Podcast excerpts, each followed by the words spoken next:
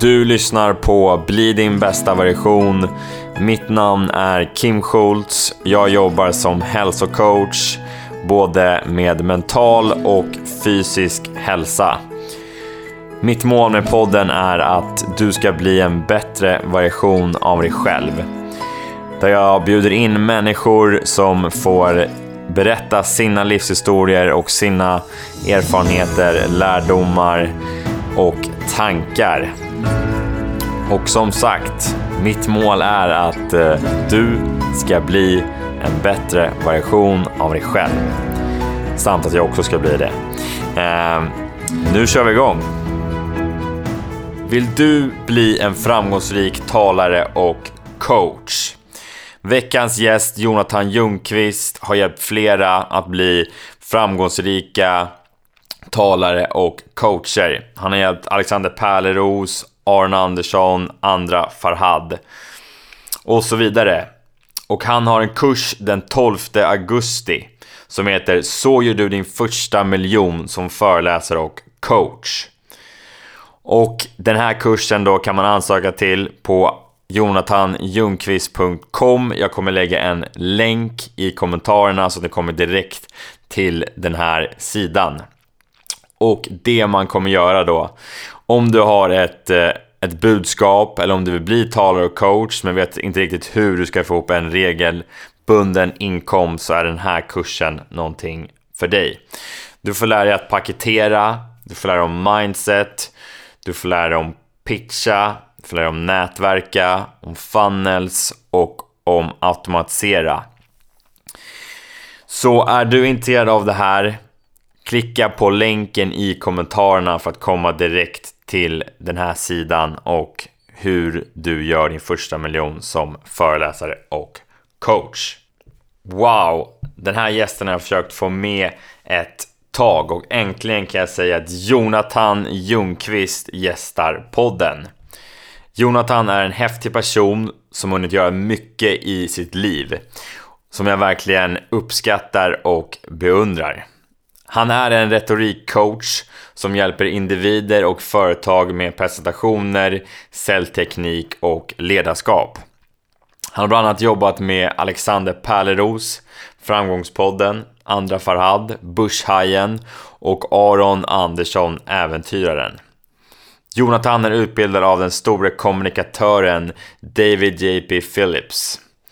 Han har tidigare varit äventyrare och har cyklat till Tanzania från Sverige och paddlat från Sverige till Svarta havet. Sist men inte minst har han varit militär och är utbildad jägarsoldat. Idag ska vi prata om Jonathans resa från att vara äventyrare till lärdomar av att jobba som guide i Kilimanjaro och lärare i Tanzania till att bli utbildad av David JP Phillips. Hur Jonathan jobbar mentalt med priming. Vi pratar om hur man kan bli en bättre talare och coach. Jonathan delar hur han har lyckats som coach och talare. Det är första gången i podden som jag blir riktigt utmanad och får öva i skarpt läge. För att få reda på vad jag blir utmanad så får ni lyssna på hela avsnittet. Utan vidare introduktion, här är Jonathan Ljungqvist. Jonathan, då är vi äntligen live får jag säga. Välkommen! Stort tack Kim, som jag har längtat efter att få joina din podcast. Ja, som jag har längtat att få ha med dig. Alltså det, det här känns riktigt, riktigt, riktigt kul. Hur, eh, hur mår du? Jag mår bra. Jag är eh, något pirrig. Vi väntar en, en liten bebis nu om ungefär en vecka. Oj, det är om en vecka alltså? ja, så att eh, det är mycket tankar på det. Hur kommer det gå på BB? Hur kommer det bli? Kommer vi få sova någonting? Så hjärnan går ja, mycket fokus på de delarna men det ska bli så fantastiskt också. Det ja. känns helt rätt. Jag och Amanda har varit ett par i snart 13 år och vi har ju alltid velat ha barn. Så att eh, det här känns förväntansfullt. Det känns som att man kliver in i en ny epok i, i livet. Ja, shit. Vad, vad häftigt alltså. Eh, kan, jag kan tänka mig att bli, att bli pappa. Har du, har du landat lite i det eh, att bli pappa eller tror du att det när det väl barnet kommer? Eller hur har, hur har tankarna varit där? Ja, jag tror verkligen när, när barnet väl kommer och man ser den här lille grabben att man då främst kommer fatta att det är på riktigt. För just nu, man ser den här magen växa men det är ändå svårt att greppa att, eh, att snart kommer det vara en liten till i det här huset som springer runt. Det, det har jag nog inte riktigt tagit in helt. Mm. Nej, det, det, det, är en helt, precis, det kommer en helt ny människa som är från er också. För det känns ju, ja, shit. Det kan inte nog bli häftigare än så tänker jag. Verkligen. Jag ska lägga paddelracket vid sidan om sänget så att han blir sugen på det. ska bli en paddelspelare här alltså. Absolut. Du börjar lite med tankar, det tycker jag ändå kan vara en lite intressant början. Alltså så här, orostankar, man börjar så planera och tänka. Hur, hur, brukar du göra när, du, när sådana tankar dyker upp? Gör något speciellt för att så här, möta dem eller låter dem bara komma? Eller hur ser det ut? Jag eh, jobbar ju väldigt mycket med någonting som kallas för emotionell stacking. För jag kommer från en bakgrund, ja men grov presterare i grund och botten, vilket ledde till mycket prestationsångest. Så om jag låter mina tankar styra och flöda fritt för mycket så är det väldigt lätt hänt att det kommer komma tankar som, som blir negativa. Ja men Jonathan, nu, nu kommer du inte kunna jobba till lika mycket eller det här kommer begränsa dig eller eh, sådana tankar kan väldigt lätt dyka upp om jag tillåter dem flöda fritt. Men positiv emotionell stacking, det lärde jag mig av Tony Robbins. Eh, vet du vem det är Kim? Ja, ja, ja absolut. ja, men en, av de, en av de största i världen. Det, det, finns ingen som jag har studerat lika mycket som honom i snart tio års tid. Jag har ju rest världen och verkligen sugit in hans kunskap. Och han kallar det för priming. Men eh, det handlar om att man då tar kontroll över sina tankar mer med att positivt stacka tankar. Så nu när jag tänker på barnet så tänker jag enbart på att eh, ja, men det som kommer bli fantastiskt med det. Det är ju den närvaron och den kontakten och den, det lugnet som kommer ske av att faktiskt ha något annat än jobb och det jag gör att fokusera på. Och vad kommer vara mer fantastiskt? Jo, men tänk att åka på söndagar och ta bilen till en sjö och grilla och ta med barnvagnen och, och sitta där och njuta. Så jag stack stackar upp positiva aspekter som jag hoppas kommer ske. Och det här gör jag varje morgon också. Jag har gjort det sedan mars 2019. Mm. Att jag stackar positiva minnen ur mitt liv. Så jag börjar alltid med tacksamhet, minnen av tacksamhet som jag hoppar in i. Och eftersom att jag har gjort det så länge nu så är det som att jag kan kliva in i minnen från Skåne när jag var liten. Där jag spelade strandtennis med min brorsa. Och jag kan spela strandtennis med min brorsa för att jag har gått in i det rummet så mycket och då blir jag totalt avslappnad. Och om jag behöver bli mer taggad, då kan jag kliva in i minnen. När jag avgjorde Gotia Cup till exempel, jag kvitterade där och det kastades ett lag på mig. och jag kan vara i det ögonblicket. Eller jag kan vara i Tanzania. Så att eh, så börjar jag mina dagar. Så det blev mm. ett långt svar här Kim. vad, vad, vad är syftet med det då? Alltså någonstans om du så bara snabbt går in på, på syftet med det. Ta, ta kontroll mer och uh, gå åt det positiva hållet. För att om jag inte gör det så är det så lätt för mig att bli stressad eller att uh, haka upp mig på detaljer eller inte riktigt uh, vara tillfreds. För mitt jobb kräver ju 110 procent av mig varje dag. Folk förväntar sig det. Och då är energin allt. Så jag stackar positiv inna, energi innan jag börjar jobba eller innan jag klev upp här med dig Kim till exempel. Så satte jag på härlig afrikansk musik, svängde lite på höfterna och kom mm. in i den här positiva känslan. Och det är utifrån den som jag verkligen vill leda och guida andra i. Mm. Med Tanzania säger du. Eh, du har varit i Tanzania. Vad, vad gjorde du där? Oj, vad har jag inte gjort där?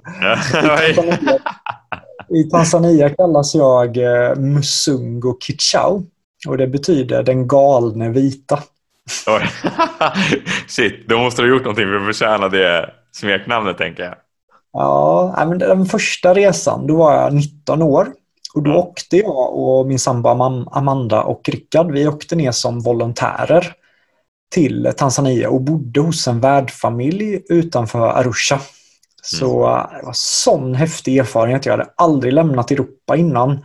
Kom dit, var så nervös för myggor och lejon och flodhästar och allting. Men vi var där i fyra månader eh, och jobbade på ett barnhem med föräldralösa barn. Så jag gick dit, var engelska lärare hade min egna klass. Det fattade jag inte riktigt att jag skulle ha först utan jag kom dit och fick jättemycket ansvar och de här barnen, man knöt ju an sig till dem direkt. Det var också fascinerande tycker jag att se att vi hade en, en fotboll och någon annan liten boll som vi kunde kasta med. Och det var egentligen allt. De hade ingen TV eller Playstation eller mobiler utan det var det. Men ändå var de väldigt glada de här barnen och väldigt tacksamma. Och ibland sov jag hos dem. Och det var sån gemenskap. De, de, många sov ju i alltså, egna sängar med varandra. För de, de hade ju, det var, gruppen var ju deras familj. Mm. Och de gick upp, de sjöng låtar på morgonen. De är sex sju år. Och så satt man där och kände wow, för jag var med och uppleva det här. Vad häftigt och få knyta an till lokalbefolkningen. Jag blev ju best buddies med byns medicinman Blaze. Och jag satt ofta med Baba. Jag kom dit och hetsade mycket som många svenskar gör och som jag gjorde. Att ja, men jag måste rädda dem, jag måste, jag måste lösa allt åt dem och jag ska, jag ska bygga, jag ska inte vila en sekund, tänker jag. Men de behövde ju inte rädda, de var jättenöjda och tillfreds och glada. Så det slutade med sen på varje eftermiddag satt jag där med Baba Josef och matade hönsen och drack juice. och, och, jag kom ner i varv och jag fick ställa mig själv frågor. Vad, vad vill jag med mitt liv? Jag fick så mycket tid för reflektion första gången i Tanzania. och andra gången, jag vet inte om jag ska dra allting jag gjorde där Kim, för det kommer ju ta jag kan dra kort, men... Eh, jag en kort där då. ja, jag cyklade året efter från Sverige till Tanzania och gjorde en insamling till det här barnhemmet. Ja. Jag kände att hur kan jag kombinera nytta med nöje? Om jag enbart gör en insamling, skickar ner det, då vet man inte riktigt vart pengarna kommer, har jag insett. Så jag ville göra något eget, jag ville ha kontroll över vart går de här pengarna som vi samlar in och jag ville också testa mina gränser och se om det var möjligt att cykla så långt. Jag hade inte gjort något sånt innan. Och jag förälskade mig i livet. Jag tyckte att gymnasiet sög. Jag gick bygggymnasiet, allting var deppigt. De flesta som jag jobbade med var väldigt deppiga. Så jag behövde göra en drastisk förändring och då kom cyklingen väldigt lägligt. Jag cyklade med en som heter Marcus Aspsjö Mm. Uh, än idag en av mina absolut bästa vänner. Jag ser upp till honom enormt. Den positiva mentala kraften som Marcus har, har jag, det har jag aldrig sett i någon annan människa. Oj. Sen har jag bestigit Kilimanjaro åtta gånger. Åt, åtta gånger?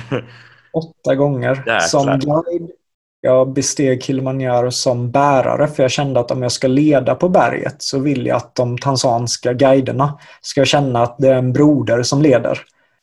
Och de här tanzanska bärarna de bär ju 40 kilo. De sätter upp toaletter, de lagar mat, de gör ju allt för västerlänningarna. Så jag kände att jag vill bli en av dem. Ja, du vill joina det? Ja, jag joinade dem och ja. Eh, det, det, första som hände där var att Jerry sa att okej okay, Jonathan, vi kommer fejka det här för du kommer inte klara det. Vad tänkte du då? Nej, men han triggade ju min tävlingsinstinkt så jag drog på den här stora ryggsäcken. Jag gick, jag grät, jag trillade, jag vrickade fötterna, jag frös, jag kunde inte sova. Men det tog ungefär fyra dagar för lokalarna då att verkligen släppa in mig. Det var, jag fick som ett ryck.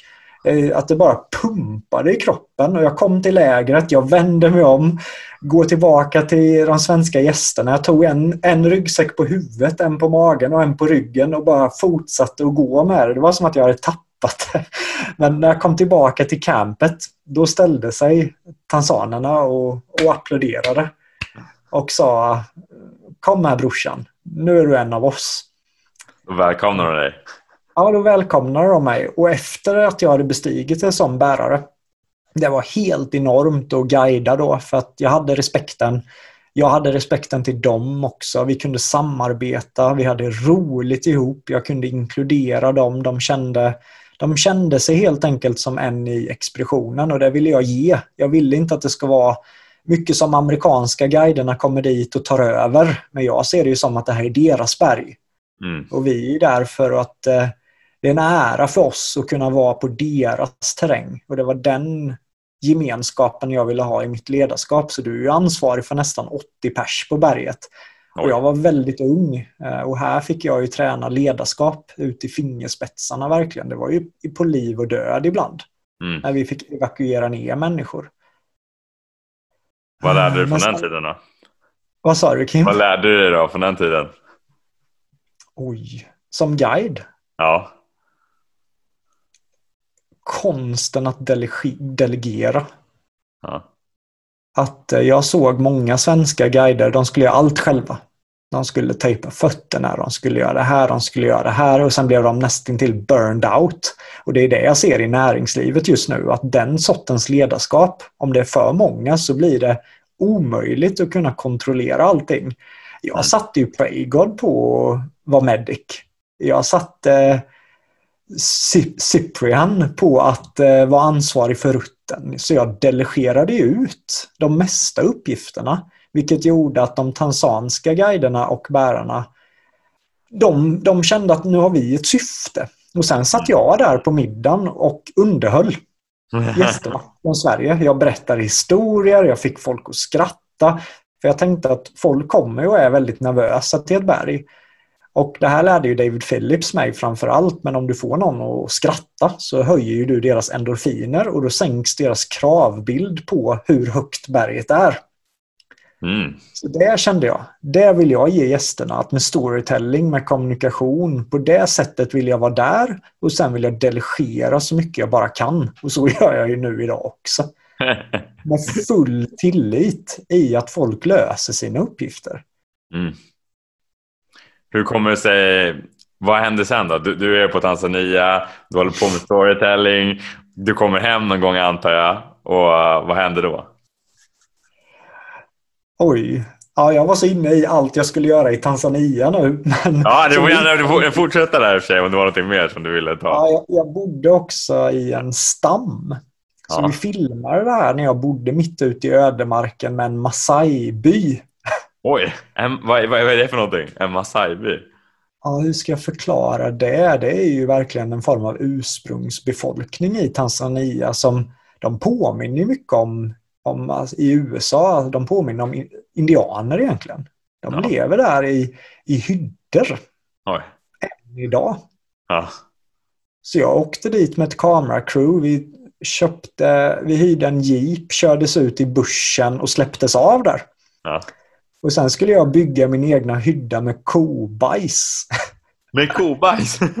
ja. På riktigt? Kobajs. Och så kom det, en, eh, det kom en hövding fram till mig då en, en hövding som sa bra, nu ska du bo här med oss. Vi hade en tolk med oss i form av Praygod som fick översätta det som hövdingen sa. Så jag kunde inte prata direkt med hövdingen. Men då skulle jag genomgå massa test då. Ja. Mandoprovet och jag skulle få se deras ceremonier och så filmade vi det här. Också en väldigt fascinerande resa. Eh, så jag skulle kunna hålla på rätt länge vad jag har gjort i Tanzania, Kim. hur, hur var den tiden då? Alltså filma där, bygga upp din egen hydda. Om du nämner liksom, vad, vad tar du med dig från den, den erfarenheten? Väldig tacksamhet över Sverige. Rent vatten, mat och att det finns människor än idag som lever på det sättet. Det, det hade jag nog inte fattat riktigt. Vi pratar om två, treåringar, fyra kanske de var, med väldigt små barn som varje dag måste gå ungefär en mil för att kossorna ska dricka vatten vid en flod. Och sen går de tillbaka. Och det här är ju små, små barn. som, som behöver göra det här varenda dag. Ja. Och jag joinade ju en sån marsch. En, jag var helt slut och då är jag ändå jägarsoldat i grund och botten. Ja. Och att det lever människor på det här sättet, den kosten de åt, det var ju mestadels ris och ugali. That's it. Vad är, vad är, vad är, vad är ugali för någonting? Som en majsgröt. Det är ju väldigt känt i Tanzania då. Ja. Okej, okay, ugali. Jag, har inte, jag har inte varit i Tanzania men jag, jag har väl åka dit just av Ja, men det finns mycket safari, det finns eh, ja, men Kilimanjaro såklart också. Eh, och sen eh, finns det ju många mer saker har jag nu också här. Att besöka ursprungsbefolkning och det finns ju ja, mycket härligt. Ska du, åka, ska du åka dit någon gång Kim så kan jag guida runt det där rätt väl. ja, det, det, låter ju som en himla bra tripp alltså. Få dig som guide i Tanzania. Det, det låter svårslaget alltså. Ja, men många av mina polare tänker ju det när jag tar ner dem dit att ah, gött, nu ska vi bo på hotell. Och det... Jag tar ju dem rakt in i bussen, det är på på en motorcykel, det är på de här skogsvägarna och folk blir väldigt rädda först. Det första som händer. För jag känner att jag vill visa dem Tanzania. Ja. Jag träffar människor som säger att jag har upplevt Afrika nu och så har de åkt på en jeep i en safari i Serengeti och sen bott på lyxhotell. Det tycker inte jag är att uppleva Tanzania eller Afrika utan det gör man ju i, med ursprungsbefolkningen ute i bussen. Där får man känna på det. Mm. Och det vill jag ju visa för mina polare då som, som jag tar dit. ja, det, det, skulle jag också vilja göra. Alltså så här, det, det, tycker jag alltid är det mest intressanta. Att få, som hur lever folket där? Alltså hur är det liksom, ursprungsbefolkningen som du säger? Så det, det, det är jag definitivt på. Kanske få en chock ändå men jag är definitivt på att hänga mig ute i bussen. Jag skriver upp det Kim. Ja det är bra. Det är bra. Okej, okay, så vad händer sen då? Du, du har varit i Tanzania. Du håller, håller på med storytelling, du är en guide, tränar ledarskap. Du kommer hem någonstans Eh, vad, vad händer för dig eh, då när du kommer hem där? Jag, eh, jag och Marcus satt ju med varandra och tänkte att eh, ska vi plugga på universitet nu och, bli, och leva som, som riktiga människor gör? plugga, jobba. Ska vi välja det spåret och sen äventyra när vi är klara med det? Eller ska vi gå full out i att satsa på att bli professionella äventyrare? Mm. Vad tror du vi valde Kim? professionella äventyrare tror jag. det tog ungefär 20 sekunder, sen kände vi väl att nej, vi kör nog på detta spåret. men, men det var ju då jag insåg en väldigt viktig grej och det var ju att det fanns två kategorier av äventyrare. Det fanns de äventyrarna som köttade i Sverige, jobbade 16 timmar om dagen i flera månader för att få upp sina pengar för att kunna göra stora expeditioner och sen fanns det Renata Klumska, Ola Skinnamo, Johan Ernst Nilsson. Det här var ju äventyrare som hade sponsorer. Mm. Som föreläste, som, som hade koll på en helt annan aspekt i att vara en äventyrare. Och då frågade jag mig själv, vilken slags äventyrare skulle jag vilja vara?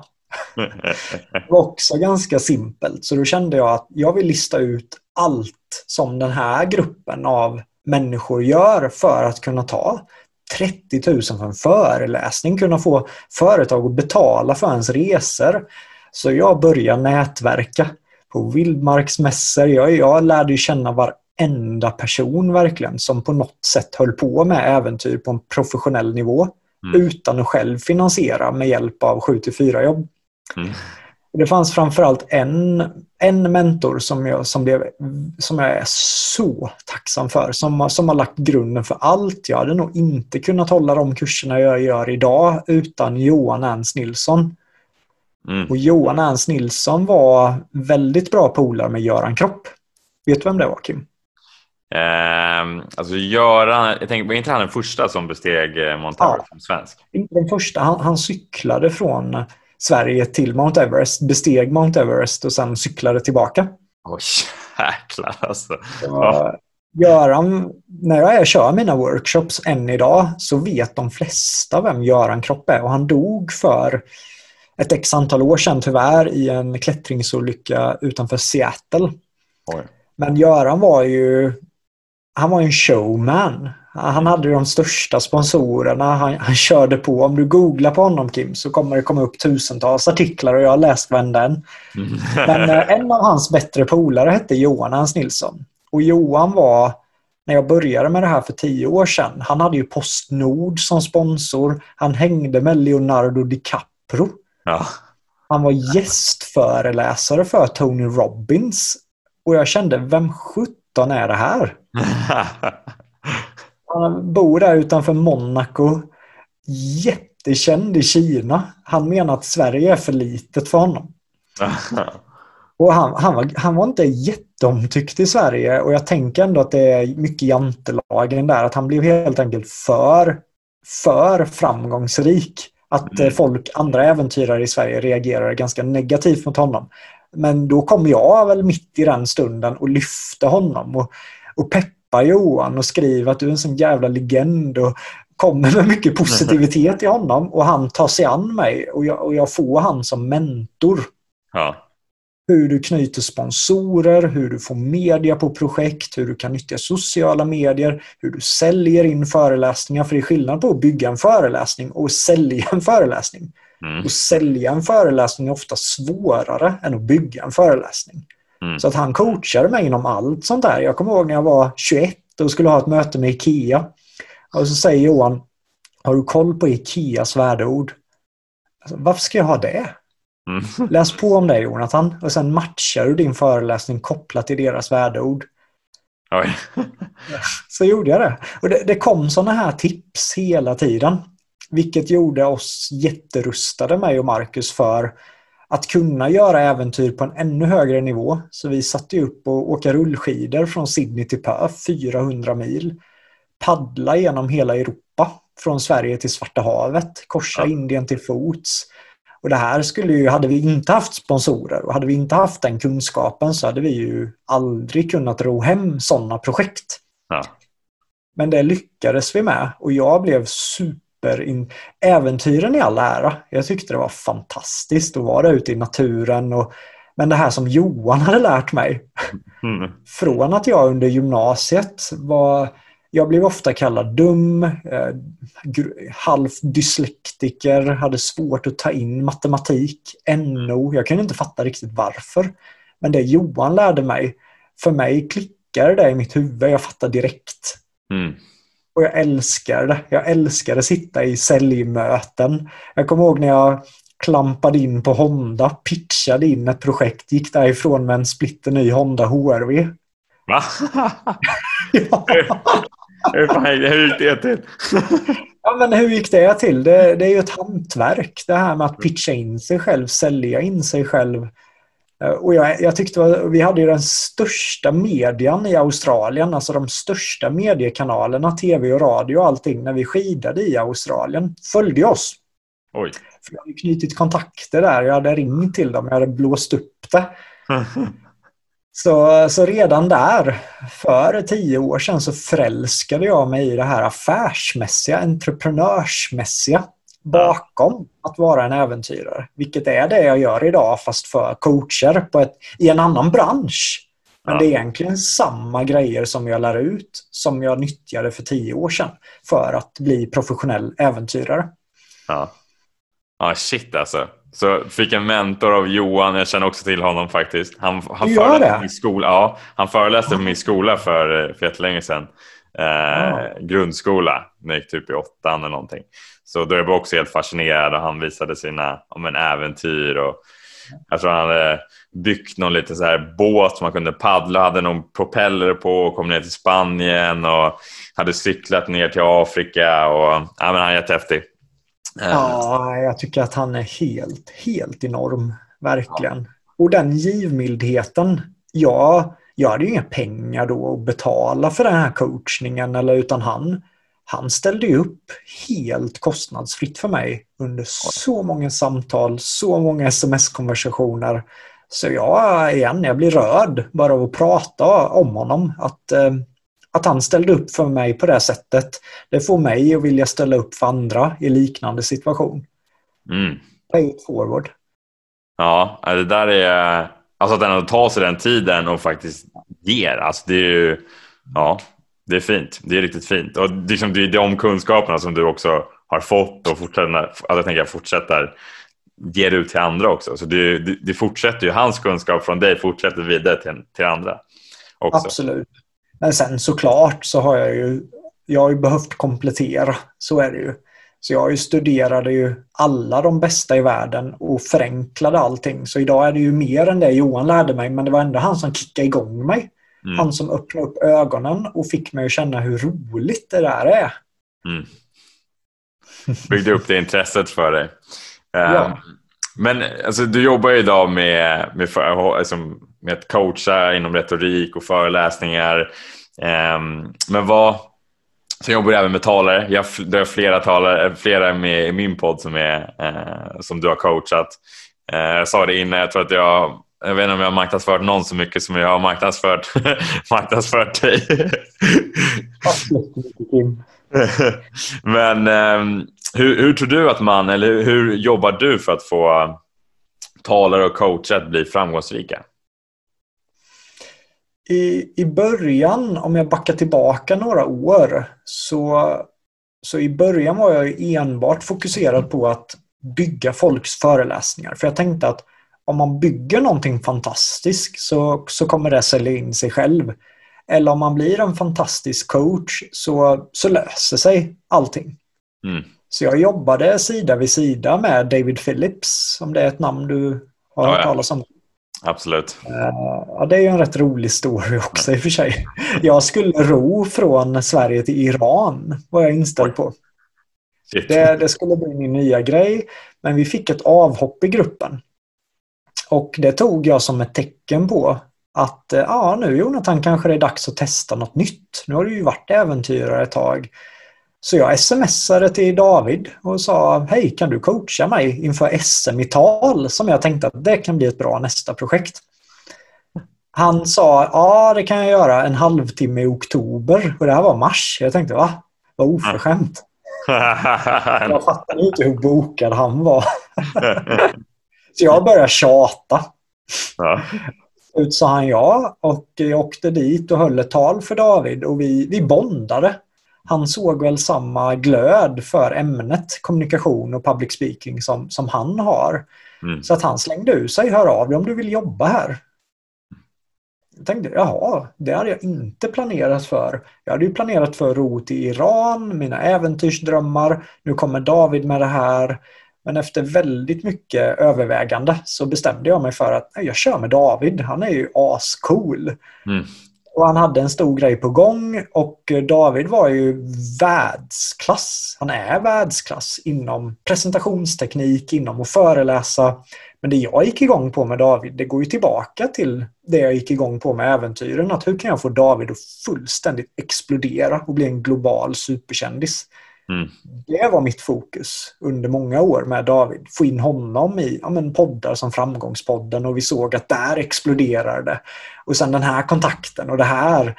Så jag mm. jobbade mycket i, i skuggan av David med att aktivt försöka göra honom så känd jag bara kunde.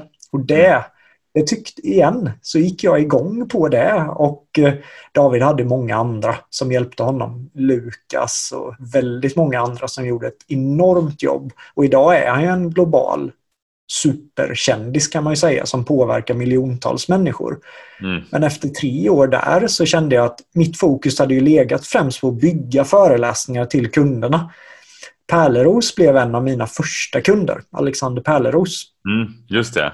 Det gjorde att min karriär som coach på en dag, efter att folk fattade att jag jobbade med Pärleros, mm. då attraherade det personer som Aron Andersson, Kajsa Bergqvist, Börshajen. Så det blev ju min snabbväg in i att bli en etablerad coach genom att jobba med mycket kändisar. Mm. Men efter tre år med David där så såg jag det här massiva problemet som hundratals coacher och föreläsare har i Sverige och det är ju det affärsmässiga. Mm. Det är ju att sälja in sina föreläsare, sälja in sin coaching, få fart på de bitarna. För att bara för att du bygger någonting fantastiskt så betyder inte det att kunderna automatiskt kommer komma. Nej.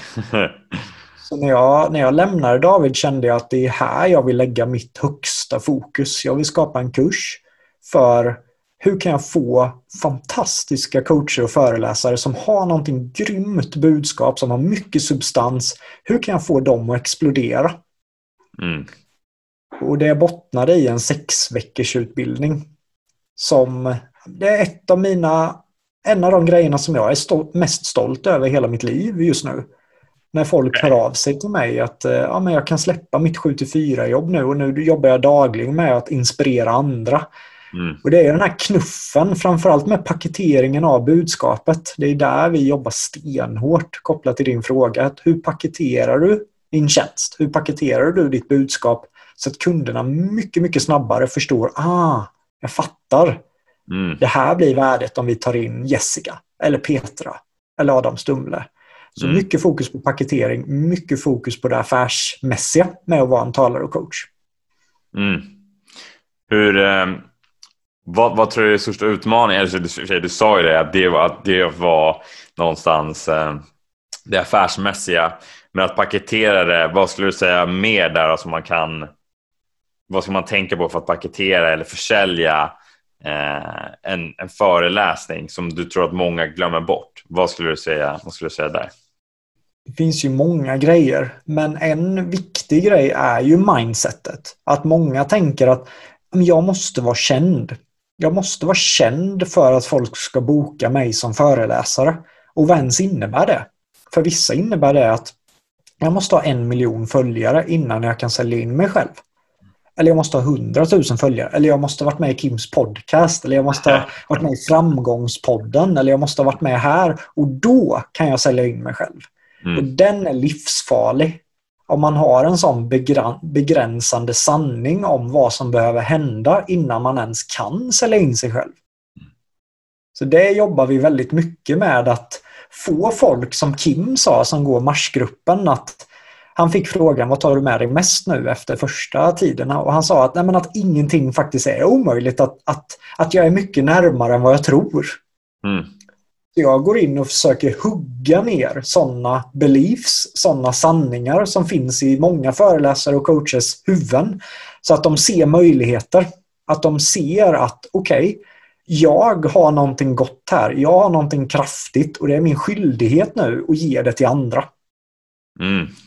Jag fick skäll av eh, Daniel Wood för några år sedan. Han sa, fy fan för dig Jonathan. Jag sa, vad menar du Daniel? Han sa, att jag inte har hört talas om dig eller det här, det betyder att du inte sålt in det tillräckligt hårt.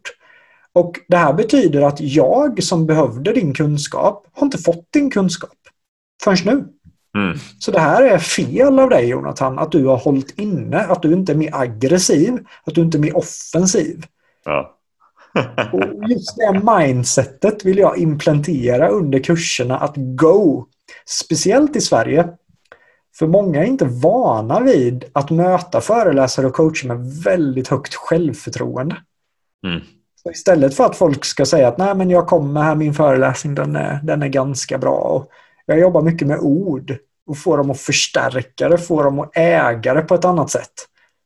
Mm. Så du bygger upp dem någonstans, alltså mycket mer ja, självförtroende och ta bort de här eh, begränsade tankarna eller tro, tron på en själv så att säga. Så för du Kim, du, du är ju coach. Mm. Eller hur? Vad, vad coachar du främst inom? Eh, mestadels är det ju välmående, Eh, en del prestation, men mycket landar väl ändå i självkänsla skulle jag säga. Alltså, själv. ja, alltså känslan om en själv. Det är väl där mycket landar faktiskt. Skulle jag säga. Mm. Lite stresshantering.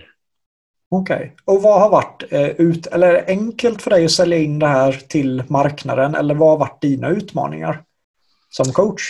Mm, nej, men utmaningen har väl varit att faktiskt sälja in det. Alltså till eh, jag tror jag har, vänt, jag har vänt mig lite mer till eh, den privata sfären. Eh, försökt nå företagsmarknaden, men den känns lite svårare att faktiskt nå in till. Ja, men så här, ska vi investera i det här nu? Jag vet inte om det är rätt timing. Och... Så jag har väl vänt mig lite mer till den privata, men eh, jag, vill, jag vill vara lite kluven. Jag tänker att det finns mer affärsmässigt i, eh, i företagsvärlden, men jag tror ju att båda segmenten vill jag egentligen jobba i.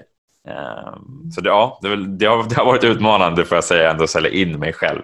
Det, det är ju tufft att göra det faktiskt. Eller tufft, men jag tyckte att det var tufft. Men har du ringt då eller hur har du försökt sälja in dig själv? Ja, men jag, jag har ringt, eh, ringt, skickat mail. Eh, så det är väl de två mestadels som jag har använt. Ibland har det varit lite så LinkedIn också, att försöka connecta med människor där. Eh, lite via min podd också. Eh, så lite, ja, men lite olika ingångsvägar skulle jag säga. Mm. Och varför är du en fantastisk coach? Mm, jag är väl fantastisk för att jag är, jag är närvarande, jag är bra på att lyssna, eh, är bra för att få folk att öppna upp sig. Att faktiskt berätta vad, vad de har för problem eh, och sen kunna ställa frågor och kunna ge feedback till vad de behöver göra och förändra i sitt liv för att mm. faktiskt eh, för att bli bättre. Också så här, som du säger, att så här, faktiskt bygga upp dem och få dem att tro på sig själva och ta bort de här valda sanningarna. Eh, därför skulle jag säga att det är bra. Och vad blir fördelarna för företag att få in en sån som dig, Kim? Fördelarna blir ju att eh, men, människor mår bättre på, eh, på bolaget, tänker jag. Eh, levererar mer eh, än vad de gör tidigare. Om jag får jobba med dem under en, en längre period också. Jag vill jobba med dem långsiktigt. Som vi pratade om lite innan, det är inte bara att eh, att göra ett jobb, alltså jag säger att kortsiktigt, jag vill jobba med det under längre sikt, men för att göra det så är jag övertygad om att jag kommer ha bättre resultat och bättre mående. Och om man får ett bättre mående på företag, vad innebär det för konkreta resultat som gör att företagen tjänar pengar? Eller vad, vad innebär det för resultat om folk mår bättre? Mm, ja, men det innebär ju mer engagerade medarbetare. Jag tänker att det innebär också mer ja, men att, eh, att bolaget går bättre. Alltså om man mår bra på bolaget tänker jag, då kommer man ha mer energi. Man kommer vilja göra mer på jobbet och då kommer man faktiskt att ja, då kommer ju, det kommer gå bättre för hela bolaget för att de kommer tjäna mer pengar och eh, må, alltså, ha bättre energi på egentligen hela bolaget. Skapa en mm. bättre atmosfär tänker jag också. Mm. Det här är väl egentligen ett annat svar på din fråga. Jag gillar att göra så här när ja. jag vill visa och göra på workshops också. Att istället för att bara prata faktiskt visa. Och om jag förklarar vad som händer nu är att jag pushar dig något hårdare i att prata om resultatet mm. som du kan ge till företaget. Många föreläsare och coacher går in mer, ja men eh, jag vill få er att må bra och så stannar de där. Mm. Och så tänker företaget, jaha, okej. Okay. Men om du kan pusha, ja och det leder ju till det här. Och mm. sen leder det till det här, vilket innebär det här. Mm. Så att man tar det något längre. Det jobbar vi jättemycket med så att du inte stannar en tredjedel in i pitchen. Mm. Där kommer du kunna tappa. Och En annan grej jag reagerade på var din energi. Så när du pratar om dig själv och, och dem, då lyftes energin. Ja. Men när du pratar om ja, men eh, det är svårt. Det är liksom, ja. där sjönk din, du gick från en jättehög energi, så fort du pratade där så sjönk energi. Ditt kroppsspråk hängde ner lite. Ja. Och sen när du kom tillbaka till värdet så ökar det igen. Ja. Och det här är också viktigt att tänka på att när man får många nej så är det lätt hänt att ens energi pratar med kunden också. Just det betyder att om du hade haft det röstläget med att nej men det kommer bli bra. Ja. då sänks ju oddsen rejält. Att de kommer, men om du sitter, du sträcker på du pratar in i kameran och du äger det. Du äger ditt budskap i hela din kropp. Mm. Det är där styrkan blir. I möten, i mm. föreläsningarna, i presentationer. För via spegelneuroner så känner ju kunderna det du känner. Om du verkligen tror på ditt budskap och verkligen tro på att du kan göra skillnad för andra. Låt det lysa igenom hela din kommunikation. Mm. Ja, tack för, tack för coachningen. Du fick mig, du fick mig att eh, ja, jag var tvungen att tänka och tvungen att leverera kände jag. Men det, tack så mycket. Och där, Sorry att jag var med i din podcast. Sorry Kim. Nej, jag tycker det var jättebra. Det var, det var riktigt bra. Um, det, var, det var ett bra exempel för det var liksom det var egentligen det lite vad jag ville komma fram till också, så här, men hur ska man få fram sitt budskap? För det tror jag är också en utmaning för många coacher och föreläsare, att faktiskt få fram ja, sitt budskap och en tydlighet och vad värdet är med det. Ja, Nej, men jag gillar, jag gillar att coacha. Eh, jag tycker det blir, eh, även i workshopsen och under kurserna så är det ofta så jag utbildar. Att jag står inte och håller ett teoripass bara utan jag, jag ställer alltid frågan, är det någon som sitter fast? Då plockar jag upp den personen i en stol jämte mig och sen coachar jag ur den personen och, och via coachningen så läser folk och applicerar det själva. Mm. Och den stilen känns mer som ett äventyr. För jag vet ju aldrig vad som kommer hända. och det går igång. Det också. Ja, ja. Det är jättespännande. Men då, då tänker jag att det är, det är mycket live-coachning då också? Mycket, mycket live-coachning. Väldigt mm. mycket. Mm. Och under live-coachning så är det viktigt att när du väl pratar med någon så pratar du ändå till alla samtidigt. Men är det tusen pers i publiken så är du också en... Folk kommer ändå dit också för att bli underhållna. Mm. Det är tre parametrar man behöver ha koll på när man live-coachar. Att även om du pratar med en person så pratar du till alla men samtidigt ska du underhålla hela gruppen. Mm. Det är mycket, mycket svårare än att enbart föreläsa. Men jag tycker att fler borde gå åt det hållet. Det är väldigt, väldigt hett i USA att den här approachen sker. Mm. Jag vet att i Sverige så gör Johannes Hansen gör ju det här på sina... Jag har inte sett honom än, men jag vet att han gör ju på det sättet. Mm. Det skapar en helt annan konflikt, det skapar en helt annan... Och spännande, vad kommer hända nu? Mm, ja. ja, men det blir, det blir en spänning och det skapas ju verkligen där och då, tänker jag. Och att det kan hända att flera andra kan känna igen sig också. Ja. Så känner man igen sig, eller inte oftast, men man kan känna igen sig i andras problem eller utmaningar och att det faktiskt kan tändas, det kan poppas några popcorn där också så att säga. Så mm. um, ja, det, det, är ju, det, känns, det känns amerikanskt men det kanske kommer mer här i Sverige som... Är det någon i din kurs som, som du vet som är inne på det spåret? Kim Julin eh, körde ju, han går i marsgruppen nu. Han har inte testat det riktigt än. Men mm. i honom ser jag en person som, eftersom att han jobbar som terapeut, han har ju coachat tusentals personer. Mm. Tusentals timmar. Mm. Så att han kan ju det här. Så för honom handlar det mer om att komma in i föreläsaren samtidigt som han coachar. Så det, det är några steg vi behöver se över där. Men Kim Julin är eh, definitivt en person som med rätt inställning om han tränar kommer bemästra det mm. inom kort, tror jag. Mm. Häftigt. Då får, får vi se om, se om det blir det, någonting. Det är få personer som, som vågar ta den risken för att om du står på Oscarsteatern, jag plockar upp en person där, det kan ju bli att det faller pladask. Ja, ja, ja. Det, det, risken finns ju faktiskt att det är ingen aning vad som händer. Det, är så att det går totalt åt... Nej, det, ja, ja. det krävs lite, äh, lite mod för att göra det, tänker jag. Definitivt ett stort, äh, stort, äh, stort mod för att göra det. um, jag tänker mer också på så här, bygga upp en, en story. Mm. Är, det, är det viktigt här, för att få med sig publiken eller åhöraren att man någonstans... Är det någonting du jobbar med? Jättemycket. Storytelling, det är ju... Det skulle vi nästan kunna haft ett helt avsnitt om, Kim. Första gången jag såg kraften i storytelling, då plockades jag in av Försvarsmakten för att göra en eh, YouTube-serie som jag själv hade pitchat in då. Men eh, mitt enda krav var att jag ville välja kameraman. Mm. Och då hittade jag en person som mejlade ett CV till mig som hette Adam Stumle. Och han hade studerat storytelling i 6-7 år i Kalifornien och klippte filmer för serier som sändes på Discovery Channel. Och när jag ringde till Adam så var det, det var, han var som ett enda storytelling-moln. Och han gick igenom strukturerna och hemligheterna och hela rubbet. Så under ett och ett halvt år levde vi i en enda storytelling-bubbla.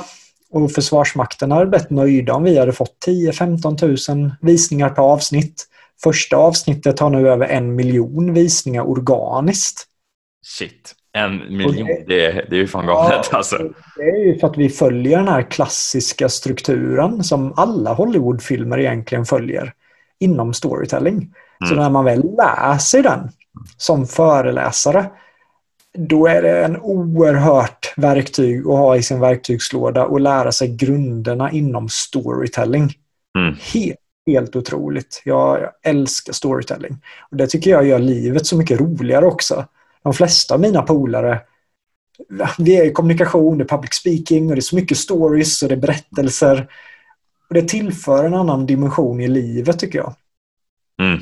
Ja, men det blir, det blir mer intressant tänker jag. Um, hur, hur, applicerar du det när du, typ med dem du jobbar, eh, coacherna? Hur, eh, hur får de eh, träna på det eller coacha på det? Ja, min huvud går på högvarv nu Kim. Så här, vilken av aspekterna ska jag säga? Men en formula som har varit väldigt enkel att förstå tycker jag ändå. Mm. Det är ju att vara medveten om att hjärnan vill egentligen två saker. Bort från smärta uppnå njutning. Mm. Så kan du konstruera en story som följer den formulan med att hej, jag upplevde någonting smärtsamt men jag skapade förutsättningar till att jag skulle kunna må bra. Ja. Och, nu ska jag, och nu kanske du undrar, hur är det här möjligt? Ja, det är klart. jag drar, om jag drar ett kort exempel för det här Kim. Mm. Så David ringde mig, för, ibland säger jag David, ibland David. Så, men David ringde för några år sedan och sa Jonathan, jag har fått ryggskott. Eh, jag behöver att du kör idag i Göteborg. Ja. Jag tänkte, jag, jag hade precis vaknat, jag satt i morgonrocken. Jag, när då? om, tre, om tre timmar. Bara, vart, vart ska jag prata? Vilka kom? Det är fullsatt Lisebergsteatern i Göteborg. Paolo Roberto är där. Många av de tyngsta talarna i Sverige. Du ska prata om storytelling. Ja. What? Jonathan, det här är ingen fråga utan du behöver, vi kan inte tacka nej till det här för det är en sån stor möjlighet för för så du får köra. Hej då! Shit. Jag får panik alltså. Det stressen sätter sig i skallen. Jag, jag springer ner till Amanda. Tja, kan du skjutsa mig till Göteborg? För jag ska snart upp på scenen för 800 pers. Och eh, Amanda säger ja absolut. Så jag sitter i bilen med massa anteckningar. Vad ska jag prata om? Herregud. Blir torr i munnen verkligen och har svårt att fokusera och tänka att idag kommer jag bli utsatt till årets största pajas. Ja kommer till Göteborg ungefär en halvtimme innan jag kliver upp på scenen och konferensen kommer fram och säger Tjena, tjena, är det du som är Johan? Så, Nej, eh, Jonathan heter jag. Ja. Så hör jag ju sen hur hon ska då presentera upp mig och all, de flesta var ju där för att de ville se David. Ja. Och så säger hon att ah, idag kunde tyvärr inte David komma men istället har vi en, eh, en äventyrare här som heter Johan, sa hon igen. Det står Johan på Youtube till och med, så det var helt sjukt alltså. ja. Då, Kim, då ställde jag mig backstage och jag gav mig själv ett verktyg kopplat till nervositet.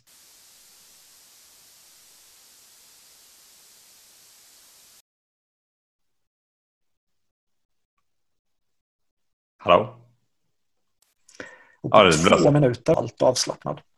Gick upp på här, kommer att bli besviken.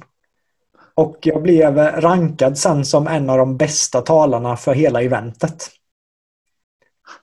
Och det jag ska prata om nu, det är det här verktyget. Vill du ha det Kim? Det, det är klart jag vill ha det. Vad gjorde du? Men tillbaka till formulan. Jag ja. målade upp nervositet, smärta, det finns konflikt. Men jag gjorde någonting som gjorde att det blev lyckat och jag mådde bra. Mm. Och nu ska jag berätta hur. Den formulan, eh, den, är så för, den förenklar storytelling på ett sätt som har gjort att under kurserna folk kan applicera det. Folk greppar det och de drar av det och det blir så himla bra när de mm. kan leka med storytelling på det sättet. Men all form av storytelling har ju någon form av hook, någon form av konflikt. Så varje film du kollar på, varje bok du läser, storyn börjar ju alltid med att det finns en konflikt och man ställer sig själv frågan vad kommer hända nu? Mm. Ja, exakt. Det är så du kan leka med storytelling. Just det, alltså vilken jäkla grej. Slängas upp på scen och uh, som tre timmar innan förbereda dig och så så vände det någonstans också. Den nervositeten? Den ligger, på, den ligger på YouTube, den föreläsningen. Eh, Jonathan Ljungqvist, världens farligaste möte. Så då får man se att jag är något skärrad när jag kliver upp ändå. den, den ska jag in och titta på. Den, den har inte jag sett. Den, den, ska jag, den ska jag se under dagen tänker jag. Det är min, det är min eh, lunch, eh, lunchklipp eh, blir det tänker jag. Nej, men där, där ser du ett exempel av många som man kan använda sig av, av storytelling på. Mm. Smärta, njutning, hur gjorde du det i en story? Mm. Mm. Blev det make sense Kim? Du får gärna säga till om, det, om jag var otydlig här. Nej, nej, nej, nej, det var det inte. Det tycker jag inte. Uh, det var det verkligen inte. Smärta, njutning och få till, få till den kombon. Uh, tänk när jag bränner av den på en torsdagkväll och säger att för mina talare och coacher, bara, idag är ämnet nervositet, men innan det vill jag dela en story så att du verkligen vill ha den här modulen. Och så drar jag den storyn och folk sitter med ögon som käglor efter det. Och så går jag igenom den och så säger jag, nu är klockan halv åtta. Va? En halv åtta? Vi vill ha mer. Vi vill ha mer. Vi vill ha mer. Fortsätt. Storytelling. Helt hooked. Fortsätt, fortsätt, fortsätt. jag kallar det för storyhooken. Så jag döpt det mesta jag lär ut i olika sorters hooks. hooks. För att då blir det lättare för hjärnan att tänka att ah, grymt, jag kör den här storyhooken. Och det jag gjorde med dig kallas för resultathooken. Till exempel att man trycker på resultatet för kunden. Ja. Så det är det konceptet jag satt eftersom jag också jobbar på Hooks herrgård så tänkte jag att det blir kul. Ja, det blir kul. har du någon mer hook blir frågan då? Många. Jag har tolv hooks som jag då utbildar inom. Ja. Är det någon mer som du vill, eh, som du vill dra? Någon hook som du känner som den här är, vill jag dela med mig av? Ja, jag skulle säga att en, en av de hooksen, nu ska vi se. Det är det som är det jobbiga med mig. Jag har så mycket jag vill säga. det är bra det. det är den hooken. Men jag älskar motargumentshooken. Mm. Jag fullständigt älskar den. Och att träna på vilka motargument som kan komma. Ja, just det. Till exempel, om man ska ge ett exempel på den. Så jag jobbade ju som, eh, som föreläsare för Försvarsmakten under en rätt lång tid. Och då hade ju i början jag nådde inte fram. Det var någonting som inte stämde. Jag körde för gymnasieelever men det var som att de hade en vägg. Som, nej, inte Försvarsmakten. Mm. Och då insåg jag ju det, vad är det största motargumentet? Ja, men det verkar vara att de tycker att det är dåligt betalt inom Försvarsmakten. Ah, då måste jag ju bygga in det i början av min presentation så jag möter det motargumentet. Mm. Så jag sa, jag klampar in där, vad är en bra lön? Så var det en som räckte upp, ja, 17 000 i månaden. Ja, men det, det är en bra lön. Är det någon här som vet vad skatt är för någonting? Nej. Är, är, är det någon här som har tänkt flytta hemifrån efter gymnasiet? Räck upp handen. Vad kan en hyra i Örebro kosta? Så trodde de att det var tusen spänn. Och så matade jag ner mat, resor. Det enda de svarade rätt på var ju vad det kostade att vara på krogen varje fredag.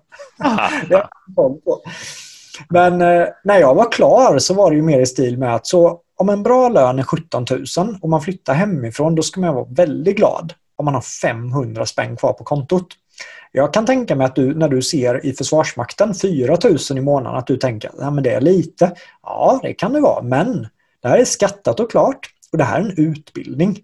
Om du mm. utbildar dig till polis eller om du utbildar dig till... Då, då tar du ju lån och betalar pengar för att bli utbildad polis. Och sen får du en lön. Det här är alltså en betald utbildning. Om du klarar vår utbildning får du 40 000 skattat och klart och sen får du en riktig lön mellan 20 25 000. Du har träningstid. Du blir sjukt vältränad. Vad gjorde jag efter jag hade gjort militären? Jag cyklade till Tanzania.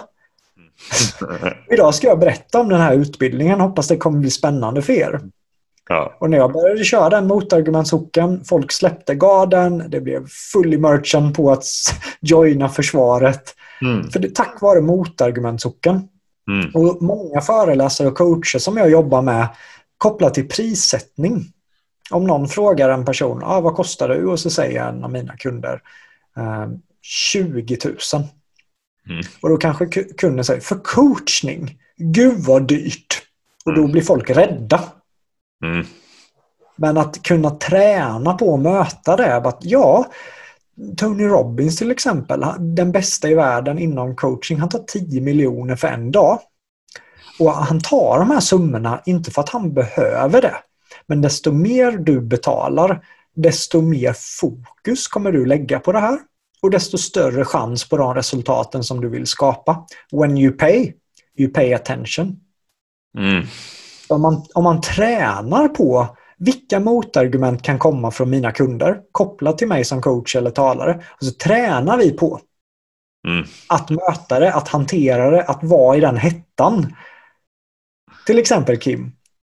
Om, om jag är Kalle, jag brukar göra den här. Får jag, får jag göra det här Kim? Ja, ja, kör, kör. Du kör.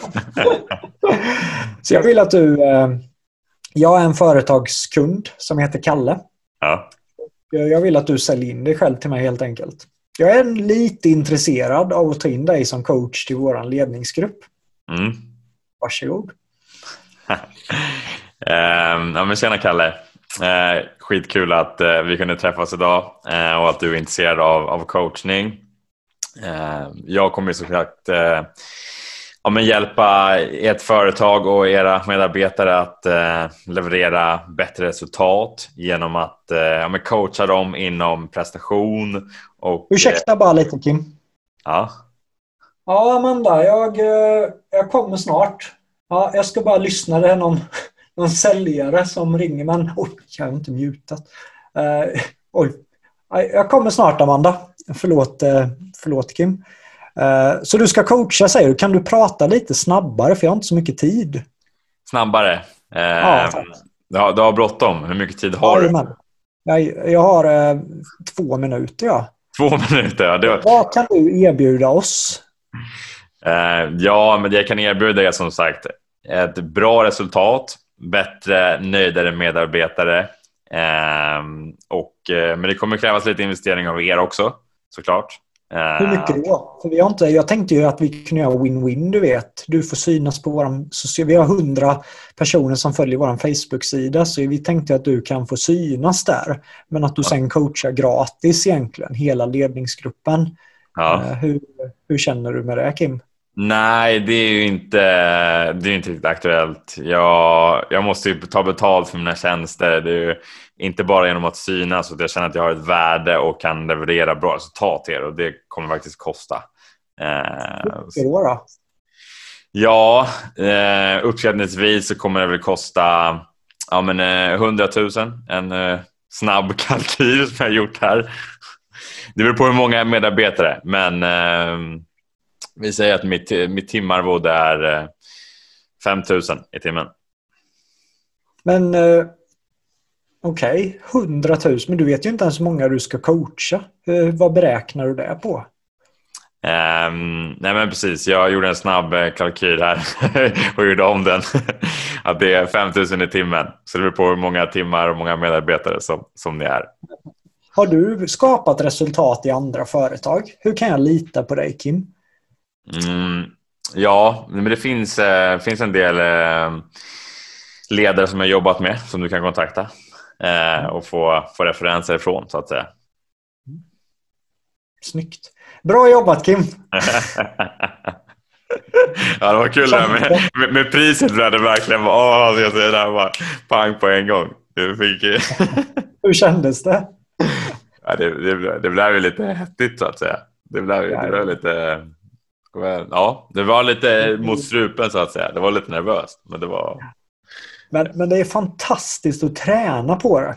Ja, För nu fick ju du frågor som kommer komma från många kunder. Så att om du då kan analysera dig själv och tänka shit, där svarade jag 100 000 säkert på grund av att jag blev något pressad. mm, Och helt plötsligt sa jag 100 000 utan att ens fråga hur många jag ska coacha. mm, Och verkligen, om någon ställer frågan, hur skulle jag kunna formulera det annorlunda? Mm. Kanske genom att en, en grej för att skydda sig själv, Kim, är ju att gå på med frågor tillbaka. Ursäkta, hur, hur tror du att jag ska svara på det? Du har inte ens berättat hur många personer jag ska coacha. Mm. Är det 10, är det 50, är det 100? Kalle? ja just det.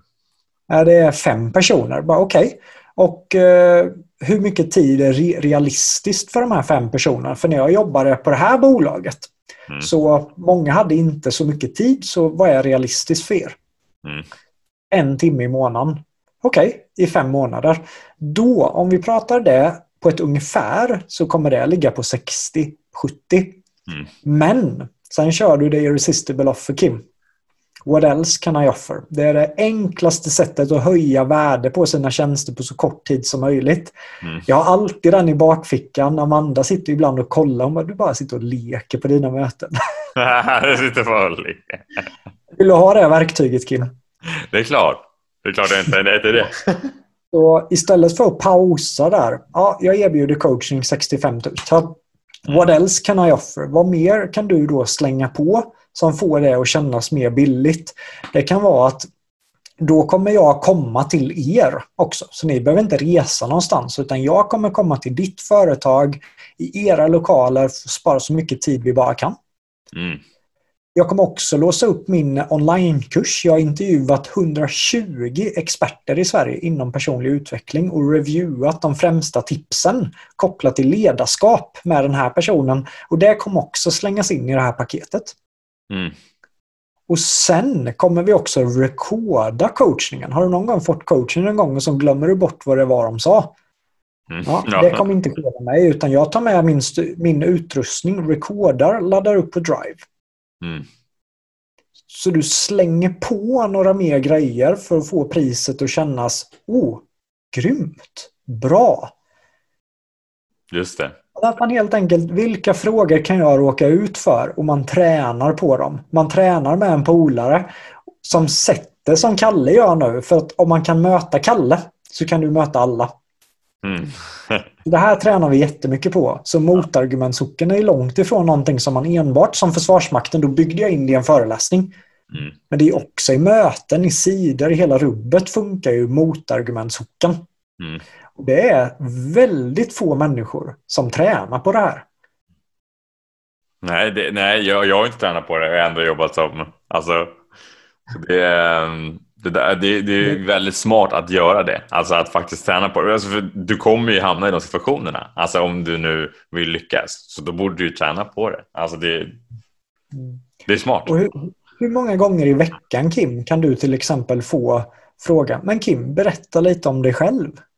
Mm. Ja, men det är, ett par, det, det är ett par gånger. Ja, det är ett par gånger. Ja. Jag menar, det är inte så många som tränar på det och tänker att okay, men om jag tränar, om jag, om jag får den frågan av en VD, hur kan jag göra mitt svar så intressant och relevant jag bara kan för en VD på ett stort bolag? Mm. Så jag hade, jag kan säga namnet nu, nu har jag ändå dem som långsiktig kund, men jag jobbar med One Partner Group. Ja. Och jag kom dit och eh, min kontaktperson där heter Charlotte. Och jag hade Charlotte som kontaktperson på Polia också. Och första gången där så, så trodde jag att jag och Charlotte bara skulle ta en kaffe och surra för vi är väldigt bra polare. Mm. Och jag, hade, jag var väldigt underklädd tycker jag. En, en ganska sliten skjorta. Jag vet inte riktigt varför men jag kom dit och, och så kollade Charlotte på mig. Mm. Men herregud, ja det... Mm. Hon sa det inte men jag kände det. Ja. För att tydligen skulle vdn vara där och jag skulle pitcha för vdn. Ja. Jag var oj, det hade jag nog inte riktigt fattat. Vi kommer in i rummet och eh, vdn kommer. Du vet, varenda hårstrå ligger ju rätt och skorna blänker.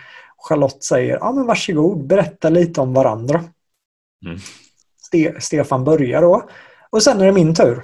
Men eftersom att jag hade tränat på de här situationerna så mycket så drog jag min story, jag kollade Stefan rakt in i ögonen och sa att eh, jag var verkligen kass på bygg och på de här delarna men jag kommer aldrig glömma första gången jag pitchade ett företag bättre än deras först, bästa säljare efter att ha läst på om dem 30 minuter.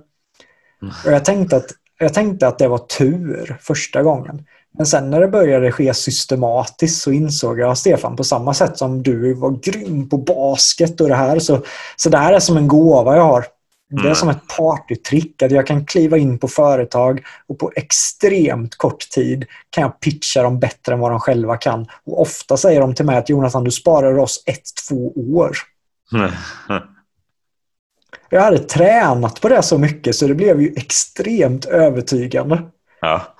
Men jag visste inte om det var tillräckligt så jag smsade ju då Charlotte efter hur gick det och så sa han att han pratar fortfarande om dig. han var såld. För att jag hade tränat på Jag visste att det här kommer ofta. Vad har du för story? Vad kostar du? Mm. Eh, vad erbjuder du? Just att du tränar på det. Mm. Så viktigt. Jag pausar där. Så du inte, annars kan jag fastna här i hela intervjun. ja, där har vi det. Träna, att man blir bra på det man tränar på. Så vad vill man ja. bli bra på? Det borde man ja. På tal om frågor. Finns det några frågor som du tycker att folk borde ställa sig själv? Mer?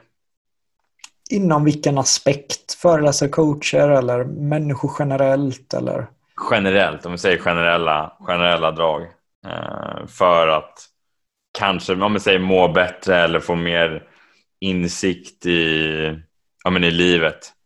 Eh, hittat kanske mer ett fokus då, under en dag. Om man skulle säga så. Mm. Ja, men jag jobbar mycket med frågor. Jag är väldigt inspirerad av Tony Robbins där med. Han kallar det här för primary question. Mm. Eh, David kallar det för fokusfrågor. Men det är just de här dominanta tankarna. Och det är så lätt för huvudet att vad är fel på det här? Vad kunde jag gjort bättre? Mm. Vad, eh,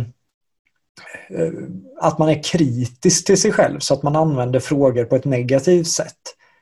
Och vad jag än gör när jag kliver av scenen eller vad som helst så ställer jag mig själv frågan vad var fantastiskt med det här? Vad är fantastiskt med att få vara med i Kims podd idag? Mm. Även om barntankar snurrar. Jag, eh, jag, har relativt mycket i livet just nu så en första tanke var, åh gud, hinner jag det här? Är jag förberedd? Vad vill Kim fråga mig? Det kom sådana tankar men sen ställde vad, vad är fantastiskt med att vara med i Kims podd? Mm. Ja, men han är jävligt skön alltså. Han skrattar mycket och när han intervjuar Jessica så fastnade jag mycket för Kims energi. Och det här kommer bli riktigt trevlig start på dagen. Och vem vet, det kanske är någon föreläsare och coach som, som hör det här och som sen joinar min kurs på något sätt. Det, det finns ju massa möjligheter med att ställa upp i den här intervjun och helt plötsligt skapa det helt andra energier i att jag kliver upp, sätter mig här med dig och är väldigt peppad. Så vad är fantastiskt med det här? Och vara medveten om när man själv går, när man blir stressad så är det lätt att de här negativa dominanta tankarna kommer. Vad är fantastiskt med det här? För när du kliver upp och föreläser, när du kliver upp och coachar. Give, serve, contribute. Alltså var, ge, tjäna, ge. Fokusera på dem du ska jobba för. För prestationsångest kommer ju mycket från att man fokuserar på sig själv. Idag mm. ska jag prestera. Idag ska jag visa vem som är bäst. Idag ska jag... Och där kommer en väldig tyngd.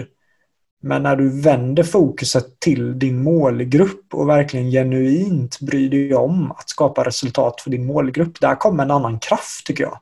Mm. Frågor är ju jättekraftigt verkligen. Den där, den där är riktigt... Uh den, den gillar jag verkligen. Alltså att byta, skifta perspektiv istället för att det är jag som ska värdera. Men vad kan jag faktiskt ge och vad kan jag alltså hur kan jag serva dem som jag faktiskt har? Vilken är målgruppen och fokusera på det istället för att det är jag som mm. alltid ska, eller det är jag som ska stå i centrum här. Den var mm. bra skifte på fokus alltså. Den, eh, mm. Men det är lätt att hjärnan eh, som sagt tar över. Jag fick en utvärderingsform igår Eh, då folk får betygsätta mig. Mm. det var en som hade fyllt i 8 av 10. Och jag bara kollade på det. Och jag, jag tappar kontrollen och bara tänker, fy fan vad dålig jag är.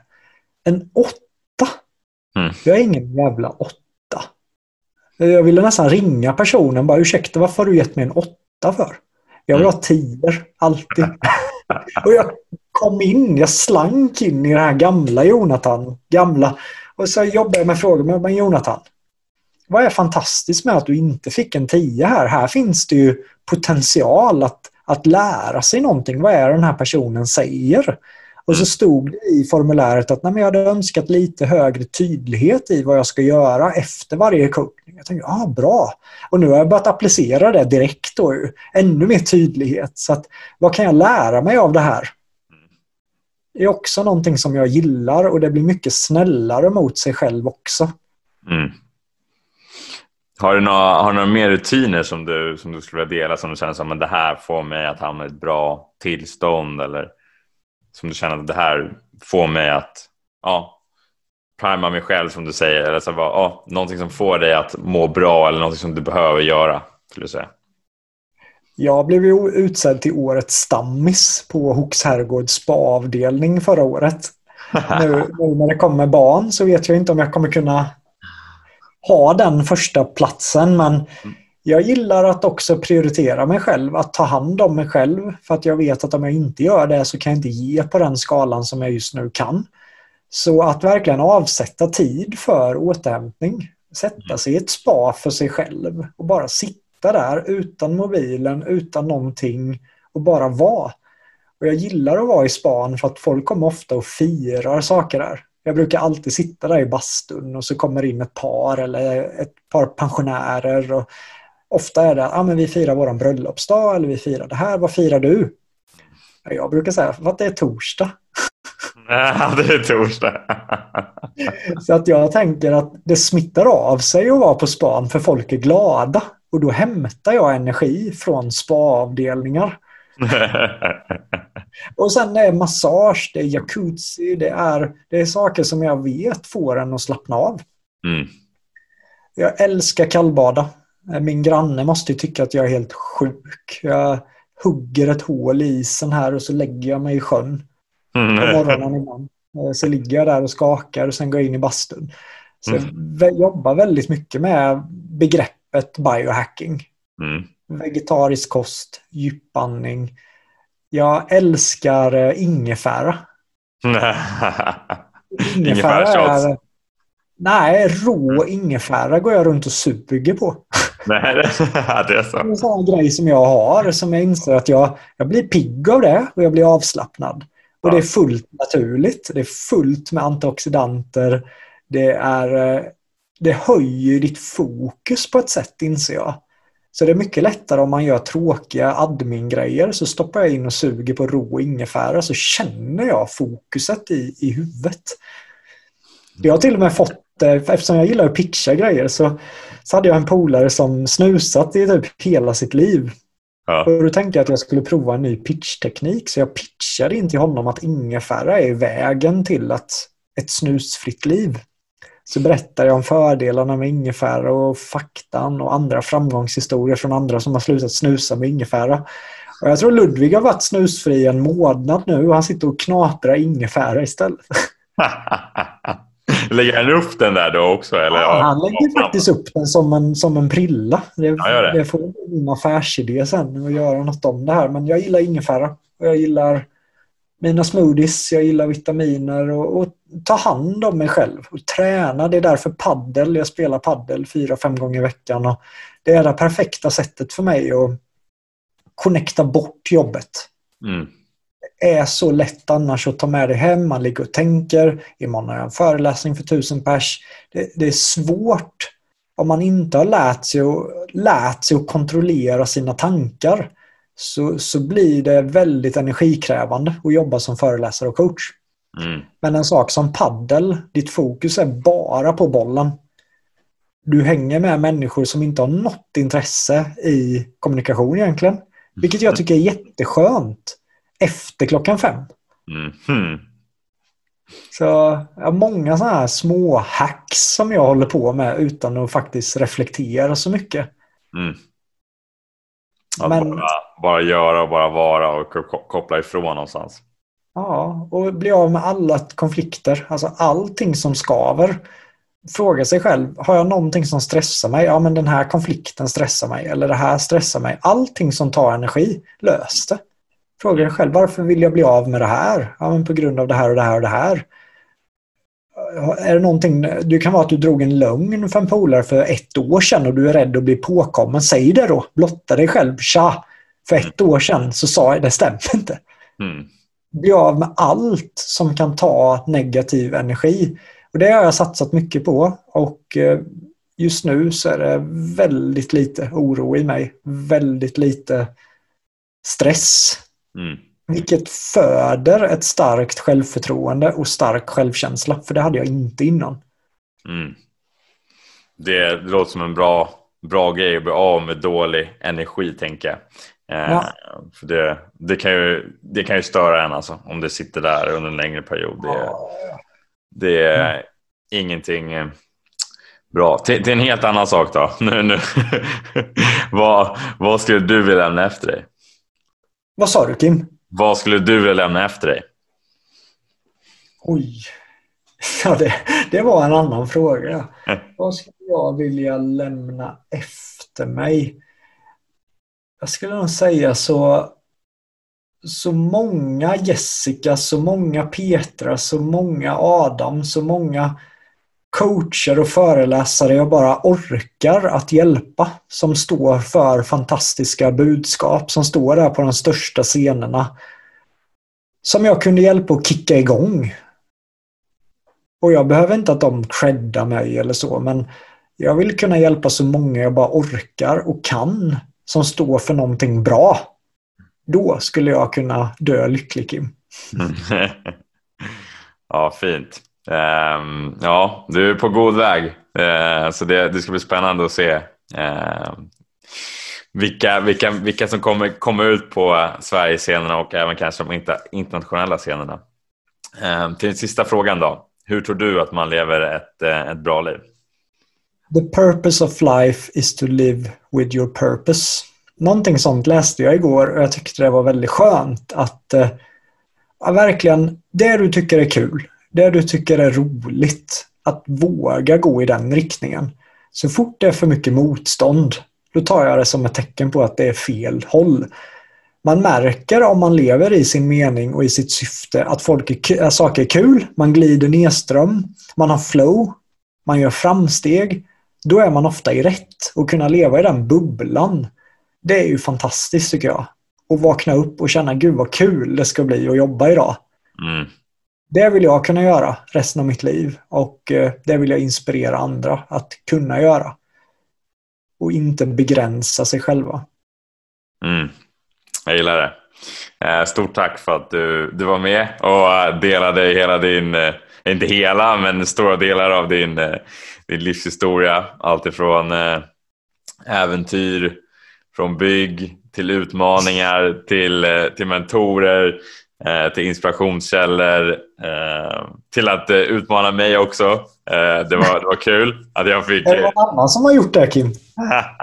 jo, men det har hänt. In, inte, i ja. podden har det, inte i podden har det inte hänt, men det är klart, det är andra människor som har gjort det när jag gått, gått kurser och sådär. Men inte så här i podden faktiskt. Det var, det var kul. Kul att du eh, utmanade mig och tack för att du delade din historia, dina erfarenheter. Eh, ja, stort tack för att du var med. Stort tack Kim. Tack. Sådär. Vad tyckte du om det här avsnittet med Jonathan? Jag tycker att det blev riktigt, riktigt bra. Då Jonathan är, eh, han är väldigt härlig, han har härlig energi och jag uppskattar honom verkligen. Och det kommer så många bra saker ur det här samtalet. Allt från lärdomar från Tanzania, att jobba som lärare, att eh, jobba som guide i Kilimanjaro att eh, där han berättar om sin tid i Försvarsmakten lite kort och han eh, berättar hur han har lyckats som talare och coach och utmanar verkligen mig i, i att förbereda mig inför eh, ja, men för säljsamtal och för att förbereda mig vilka motargument kunden har. Det kommer många bra saker. Men både jag och Jonathan är nyfikna på vad just du tar med dig från det här avsnittet. Finns det någonting som du blev inspirerad av eller finns det någonting som du vill, eh, som du kommer implementera i, i ditt liv från just det här samtalet? Låt oss veta det. Connecta med oss på sociala medier, Instagram, LinkedIn. Ni, ni hittar oss Kim Schultz och Jonathan Ljungqvist. Som sagt, är du intresserad av Jonathan, Jonathans kurs så är din första miljon som föreläsare eller talare så klicka på kommentarerna för att komma direkt till den sidan. Jag hoppas att ni har en riktigt bra vecka och att ni gör någonting för att bli en bättre version av er själva. Ha det bäst!